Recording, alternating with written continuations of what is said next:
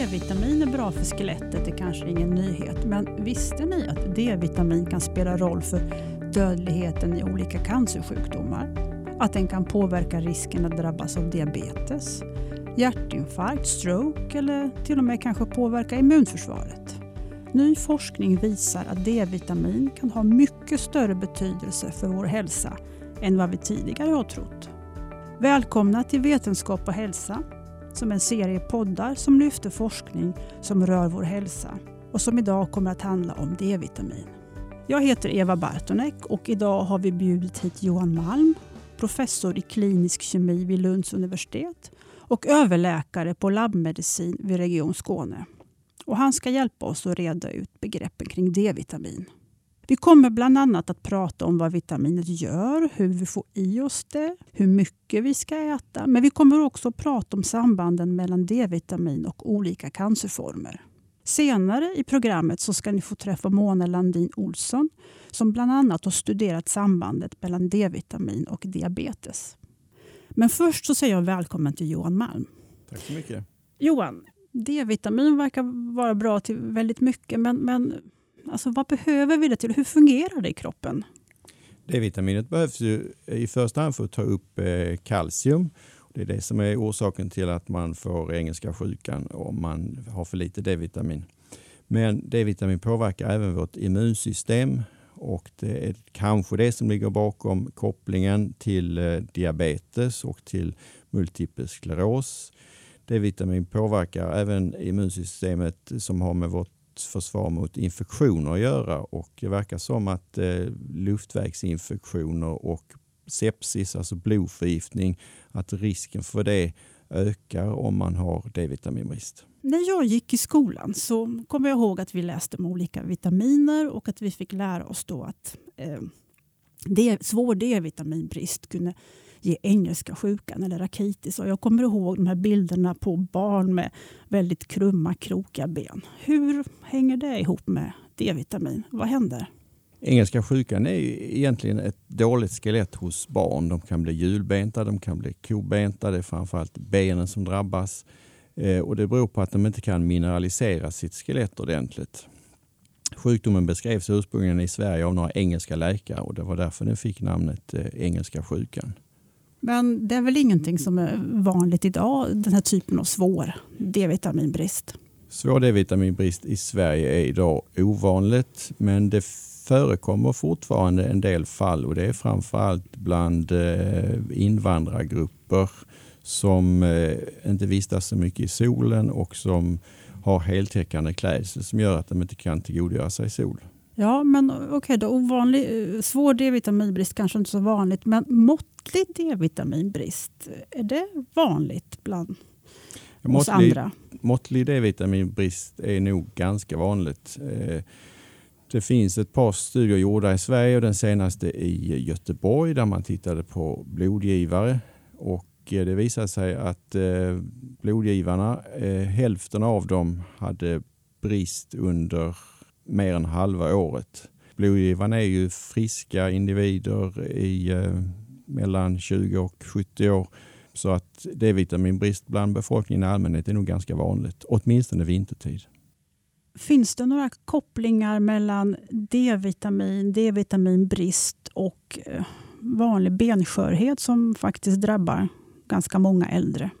Ja, det finns en del studier och framförallt så pågår det flera stycken studier för att klarlägga sambandet mellan D-vitaminbrist och eh, benskörhet. Eh, men eftersom benskörhet tar oftast eh, lång tid att utvecklas så är det svårt att, att visa de här sambanden.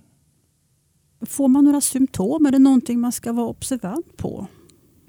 Nej, det är det som är problemet med D-vitaminbrist, att det är en tyst sjukdom.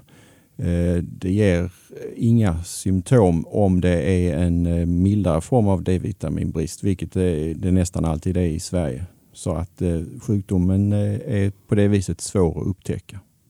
Kan man gå till vårdcentralen och kolla det? Ja, man, det är lätt att kontrollera om man har D-vitaminbrist eller inte. Man går till sin vårdcentral och ber att få taget ett blodprov för analys av D-vitamin. Det är väldigt enkelt. Vad, vad är liksom ett normalvärde? Är det vilka, finns det liksom något intervall där man ska ligga? Eller? Eh, vi har satt normalvärdet till över 70 nanomol per liter. Nanomol per liter är alltså enheten för koncentrationen av D-vitamin i blodet. Det är lite omtvistat var gränsen ska ligga. En del menar att det kanske räcker med att ha 50, men någonstans där mellan 50 och 75 är eh, allmänt accepterat som en gräns för hälsosam D-vitaminkoncentration. Kan man få för mycket D-vitamin i, i kroppen? Man kan få för mycket D-vitamin eh, men det är svårt. Man måste äta höga doser under lång tid för att bli förgiftad med D-vitamin. Och under de senaste 6-7 åren har vi haft endast ett fall med svår förgiftning. Ja, hur får man i sig D-vitamin? Då? För jag har förstått att vi kan producera det själva ibland. Hur, hur funkar det? D-vitamin kan man under sommaren göra med hjälp av solen. Och det räcker att man är ute i solen en, en, kort stund ett par dagar i veckan. Man behöver inte ligga på stranden och steka sig. Eh, problemet är vintertid, att då står solen så lågt i Sverige så att eh, de strålarna som hjälper oss göra D-vitamin, de kommer inte fram till oss. Eh, utan på vintertid så är man helt beroende av den D-vitamin som man får i sig med kosten. Och I kosten så är det framförallt fet fisk. Eh, sill är det som är bäst. Eh, lax går också bra. Gös. Eh, ägg innehåller en del och sen är många mejeriprodukter berikade. Men de innehåller ändå förhållandevis små mängder D-vitamin. Så att det är framförallt fet fisk som man, vi, vi får i oss D-vitamin med. Mm, jag tänkte att vi skulle hålla oss kvar lite mer kring det här med solen. Eh, för det pratas ju väldigt mycket om att man ska vara försiktig med tanke på eh, hudcancerrisken och sådär. Hur, du sa att man behöver inte steka sig på stranden, men hur länge behöver man vara ute och hur mycket hud måste man exponera? Det räcker att man går ut en halvtimme om dagen några dagar i veckan i en t-shirt och eh, kortbyxor eller kjol eh, så får man tillräckligt. Man behöver absolut inte ligga på stranden. Det är en viss våglängd på den ultravioletta strålningen som eh, huden använder sig av för att göra D-vitamin. Så att det fungerar inte att ställa sig under en glödlampa eller ett lysrör. Utan det måste vara ljus av en viss våglängd. Mm, det, som det... det, som brukar kallas för UVB-strålning, alltså ultraviolett strålning av typ B. Hur är det med solkrämer då? För om man liksom köper solkräm så brukar det stå där på tuben att det, att det blockar både UVA och UVB-strålar. Mm. Vad innebär det för D-vitaminproduktionen? För D-vitaminproduktionen så innebär det att den i stort sett upphör. Eh, solkräm är väldigt, väldigt effektivt på att blockera UV-strålningen så att eh, även med en eh, lägre skyddsfaktor av, i solkrämen så upphör nästan eh, D-vitaminproduktionen helt och hållet. Och hur är det med, med mörkhyade personer? Jag har läst någonstans att, att en, en, en mörkhyad person eh, som är ute lika länge som en ljushyad producerar mycket mindre i solen. Stämmer det? Ja, det stämmer. Ja. Och det beror på att pigmentet i huden den absorberar eh, UV-strålningen. Så att den mörkhyade individen eh, behöver mer solljus för att göra samma mängd D-vitamin. Och Det är det också som gör att vi kan aldrig bli D-vitaminförgiftade genom att ligga i solen därför att vi blir brunbrända. Pigmentet i huden absorberar UV-strålningen så att eh, D-vitaminförgiftad med sol, det kan man inte bli. Du pratade om det här med att, att solstrålarna att de, så att säga, inte når fram på vintern och det har väl med vinkeln att göra då. Och eh, under vilka månader står solen tillräckligt högt? Man kan säga att för praktiskt bruk så eh, står, står solen tillräckligt högt och det är tillräckligt varmt så inte man behöver så mycket kläder på sig från eh, maj till eh, slutet på september. Vi kan göra D-vitamin även under april månad, under oktober månad, men då är det som regel så kallt så att man får skyla kroppen. Så det räcker inte att exponera ansiktet? Nej. Det räcker inte att exponera ansiktet. Ja, det här med att man kan få D-vitaminbrist under vintern är ju, känns ju problematiskt. Men kan man inte sola på sig ett förråd då? Nej, man skulle kunna tänka sig det att man skulle kunna bunkra upp D-vitamin från en sommar till nästa sommar. Men det går inte utan de förråden som man skaffar sig på sommaren de räcker kanske under ett par månaders tid. Så att eh, man klarar sig alltså inte från en sommar till nästa sommar. Men vad jag förstått så är det, det är, solen är ändå den mest säga, effektiva källan till, till D-vitamin. Hur mycket producerar vi när vi är ute i solen? Som jämförelse kan vi eh, ta eh, en deciliter mjölk. En deciliter mjölk innehåller eh, oftast kring 20 enheter D-vitamin. Om man lägger sig på stranden en sommardag ända till man blir lite röd i skinnet så kan man producera 10-20 000 enheter D-vitamin. Så solen är fantastisk eh, på att hjälpa oss att göra D-vitamin. Och det är också det som är förklaringen till att man behöver bara vara ute en liten stund några dagar i veckan för att få tillräckligt. Ja, du pratade om att då vissa livsmedel var, var eh, mer D-vitaminrika än andra och sådär. Men, men vad jag också förstått att det är väldigt svårt att eh, få i sig tillräckligt med D-vitamin då, eh, med kosten. Tycker du att man ska äta D-vitamintillskott också? Jag tror att många av oss behöver äta extra tillskott vintertid. Sommartid så behövs det absolut inte under förutsättning att man är utomhus och inte skyler eh, all hud. Men vintertid så tror jag att man behöver ta lite extra. Nu tänkte jag att vi skulle prata lite grann om vad den nya forskningen har visat. Då, att man har sett samband med andra sjukdomar och då bland annat cancersjukdomar som du har tittat lite närmare på. Vad, vad vet man om det? Det var en amerikansk läkare som i början på 40-talet noterade att bland hans patienter, så de som vistades utomhus mycket, de dog inte lika ofta i cancer och då gjorde han en jämförelse med eh, dödlighet i cancer och då tog han all cancer och eh, jämförde med eh, solexposition och vi kunde väldigt tydligt visa att ju mer sol en individ exponerades för, desto lägre är dödligheten i cancer. Och då menar du, då är det dödligheten du pratar om, så att det inte är risken att drabbas utan hur, hur det går sen så att säga, om man tillfrisknar eller inte. Mm, precis, det är inte risken att diagnostiseras med cancer utan det är risken att dö i cancer. När vi pratades vid senast så, så nämnde du också några andra cancerformer där man har hittat en del samband mellan D-vitamin och cancer. Kan du säga något om det? De starkaste sambanden finns med eh, tjocktarmscancer, eh, men det finns samband även med eh, bröstcancer och eh, som sagt eh, prostatacancer och även exoxcancer. Men här är det väldigt viktigt att poängtera att det är samband mellan solexposition och dödlighet i de här eh, olika cancerformerna. Och sol är ju inte detsamma som D-vitamin. Så att det kan ju vara D-vitamin, men det kan ju också vara någonting annat som vi får i oss med solens hjälp. Eh, så att man skulle kunna säga att man har sett det finns samband, men man vet ingenting om några orsakssamband här. Man, man, vet, man vet inte att det är D-vitaminet som, som, som orsakar den här lägre dödligheten. Men eh, det finns väl eh, studier som pågår nu där man faktiskt just tittar på det här med orsakssamband. Hur är det med det? Det pågår flera stora studier där man eh, följer ett större antal individer under flera års tid. Man ger hälften av individerna extra D-vitamin och hälften får ingenting. Och sen ser man hur många som insjuknar i eh, olika sjukdomar. De första av de här stora studierna kommer att bli färdiga nästa år.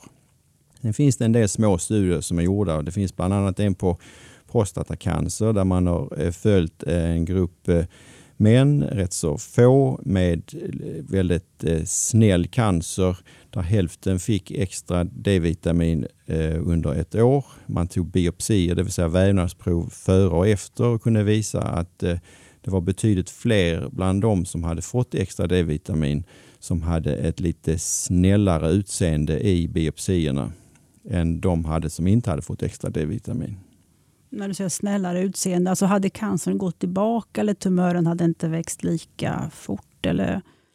Tumören hade inte växt lika fort som, eh, som eh, jämfört med den gruppen som inte fick något extra. Så om man på något sätt skulle sammanfatta det här, så det, det finns, man har sett samband mellan eh, D-vitamin och cancer i ganska många studier. Eh, man har inte kunnat visa på något direkt orsakssamband, men det finns studier som, som jobbar med det här just nu och eh, inom några år så kanske vi vet lite mer om det här. Skulle ja. man kunna säga så? Precis så ligger det till. Flera stora studier pågår och man kan också lägga till eh, det finns eh, laboratorieförsök, det finns djurförsök som talar för att eh, D-vitamin kanske kan användas vid behandling av vissa cancertyper som ett tillägg till eh, den traditionella behandlingen. Men eh, återigen, eh, mycket är än så länge osäkert. Och då kan jag inte låta bli att avsluta med en sista fråga. Hur är det med dig själv då? Äter du D-vitamintillskott? Jag tar extra D-vitamin, men bara vintertid. Sommaren tar jag ingenting. Tack så mycket Johan för att du ville komma hit. Tack själv. Du lyssnar på Vetenskap och hälsa, en serie poddar som lyfter forskning som rör vår hälsa och idag pratar vi alltså om D-vitamin. Nu ska vi gå vidare i programmet och prata om vad man vet om D-vitamin och diabetes. Jag säger välkommen till vår nästa gäst Mona Landin Olsson som är överläkare vid Skånes universitetssjukhus och professor vid Lunds universitet. Välkommen hit Mona. Tack så mycket. Du är alltså diabetesforskare och har bland annat undersökt om det finns några samband mellan solvanor och risken att drabbas bland annat av diabetes, men också att dö en för tidig död i olika sjukdomar. Och Det som är lite unikt med er studie är att ni har inte bara tittat på vad som händer om man solar för mycket, utan ni har även tittat på det här med eh, vad som, hur det påverkar hälsan om man solar ganska lite eller inte alls. Berätta lite mer om den studien. Vad har ni sett? Vi har då tittat på en, en, stor kohort eller en samling av kvinnor från Sydsverige. Eh, och det är 30 000 kvinnor och de har fått fyllt, eh, fyllt i ett, en enkät eh, framförallt om solvanor. Den enkäten gjordes eh, ursprungligen för att titta på malignt melanom som man ju har en stor ökning av. Eh, så därför är solvanorna väldigt noga ifyllda. Och då tittar vi hur, eh, delar in de här kvinnorna i hur mycket de solade och eh, sen så tittar vi, eh, undersökte vi hur många av de här kvinnorna som fick diabetes och vilka kvinnor som fick diabetes. Och då såg vi att de kvinnorna som eh, solade minst fick mest diabetes och de som solade mest fick minst eh, diabetes. Alltså att det fanns eh, ett samband här mellan och eh, det var också så ett dos-respons samband så att eh, man kunde se en gradskillnad mellan de olika grupperna. Men nu vet vi att eh, solvanor kan vara influerat av till exempel har man det gott ställt och eh, man har en bra socioekonomisk situation som man säger, så har man kanske råd att åka utomlands, man har råd att ha semester, man solar kanske mer. Men vi har försökt att korrigera för sådana faktorer och trots det så står skillnaden kvar. Så vi tror att det finns en reell orsakssamband mellan solning och eh, diabetesutveckling. Hur var det nu med de här andra sjukdomarna och alltså risken att dö för tidigt i någon annan sjukdom? Ni tittade på det också? Ja, vi tittar också på mortalitet. Alltså alla, alla dör man om man dör för tidigt eh, och det är död innan 70 års ålder. Och där såg vi då att eh, kvinnorna som eh, solade lite eh, hade en upp till åtta gånger större risk än de kvinnorna som solade eh, i den, i den högsta gruppen. Risk att dö Risk för att tidigt, dö för tidigt, ja. ja precis. Och det var framförallt kardiovaskulär sjukdom och annan orsak än cancer som eh, var ökat. Mm. Och med kardiovaskulär, alltså hjärt Ja, hjärt-kärlsjukdom. Ja, ja. Mm. Men hur är det då med, med, med hudcancer? För att eh, där ökar väl risken ju mer man solar? Ja, precis. Där ökar ju risken för eh, en del olika cancerformer, var, eh, där en del inte är speciellt allvarliga, men malignt melanom kan då vara riktigt allvarligt. Och vi har ju en kraftig ökning av eh, malignt melanom. Det man eh, ser också, nu är jag ju inte cancerdoktor, men eh, det man kan se är att eh, de maligna melanomen som finns hos människor som solar väldigt mycket eh, är lite lättare att behandla, lite tunnare, medan de som uppkommer hos de som inte solar är lite mer maligna och svårbehandlade.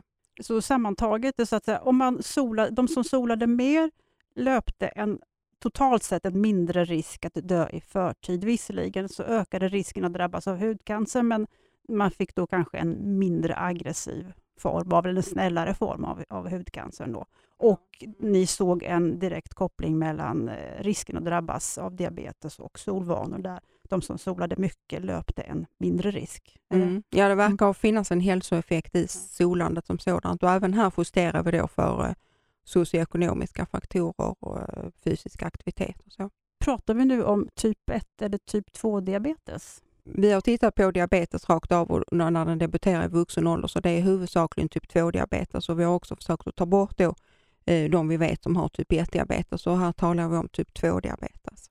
Vi kanske innan vi går vidare här, bara väldigt snabbt, kan du förklara skillnaden mellan typ 1 och typ 2-diabetes? Ja, typ 1-diabetes är den diabetesformen där betacellerna, alltså de insulinproducerande cellerna, förstörs och de försvinner och då försvinner insulinproduktionen och då måste man alltid behandla med insulin. Typ 2-diabetes däremot, där har man kvar sin insulinproduktion och i början har man istället en, en, ett stort motstånd så att insulinet har ingen verkan i kroppen, det som man kallar för nedsatt insulinkänslighet. Sen drabbas betacellerna av insulinproduktionen även där, men inte alls till den graden som man har vid typ 1-diabetes. Alltså, så att typ 2-diabetes kan man initialt eh, behandla med tablettbehandling som stimulerar insulinproduktionen eller ökar känsligheten för insulin. Tidigare när vi pratade med Johan Malm så fick vi lära oss att när vi vistas i solen så kan vi producera eget D-vitamin i huden. Då. Eh, och med tanke på den här solvanestudien som vi gjorde så ligger det väldigt nära till hands att tänka att det kanske är D-vitaminet som på något sätt ger de här effekterna. Vad vet man om sambandet mellan D-vitamin och eh, diabetes, typ 2-diabetes kanske? Eller ja, vad vet man om sambandet? Ja, då vet man att eh, vid typ 2-diabetes och även graviditetsdiabetes eh, så har man eh, lägre nivåer i blodet av D-vitamin. Och det har man spekulerat, man har gjort stora studier på detta och där är man ganska ensam om att det faktiskt är lägre nivåer av D-vitamin. Sen är frågan om, är det så att om man behandlar med D-vitamin kan man då minska insjuknandefrekvensen i typ 2-diabetes? Och där är man inte riktigt ense. Där har man också gjort stora studier och vissa studier visar att det blir en minskning och andra studier visar att, det inte blir, eh, att man inte kan påverka det med D-vitamin. Så att man, man, man, ser ett samband där mellan att låg D-vitaminhalt i blodet, ökad risk för diabetes, men man, ser inget, man har inte kunnat visa på något orsakssamband, då, att D-vitaminet faktiskt orsakar det, eller att man kan förhindra det genom att ge D-vitamin. Är det så du menar? Ja, precis. Så att eh, man ser sambandet, men, men vet inte om D-vitamin har. Det är kanske bara en markör för den livsstilen man har när man får typ 2-diabetes. Det kan man också tänka. Och eh, eh, det är kanske andra kostvanor hos de som har typ 2, får typ 2-diabetes och det är därför de har eh, ett lägre D-vitamin. Eh, så vi, vi, vet inte riktigt var sambanden där finns. När det gäller typ 1-diabetes så har du berättat för mig tidigare att där finns en del intressanta studier som kanske kommit lite längre och som kanske skulle kunna reda ut det här, peka på ett samband. Vad, vad finns det gjort där då? Ja, man, har, man har gjort mycket i Finland till exempel då, där man har haft olika rekommendationer eh, av intag eh, av D-vitaminsupplementering till barn. Och där har man sett att när man har minskat eh, rekommendationerna av intag av D-vitamin till barn så har man fått en ökad insulinincidens. Eh, och eh, där har man också gjort så att man har gjort en interventionsstudie där man har gett D-vitamin till kvinnor som är gravida och så har man gett det till barnen när de är i späd ålder. Och där man har kunnat se då att man får en sänkning i den populationen som man har behandlat. Så de barnen alltså, de, de löper en mindre risk att drabbas av mm, typ 1-diabetes? Ja, där, där, tyder resultaten på att eh, D-vitamintillskott skyddar de här barnen från diabetes. Vad vet man om mekanismerna? Finns det några tankar kring hur D-vitaminet på något sätt skulle kunna fungera eller ha den här effekten? Ja, man har ju sett D-vitamin som någonting som är bra för skelettet, att man bygger upp kalkhalten i skelettet och intar mer kalk via tarmen och, och får en bättre mineralisering.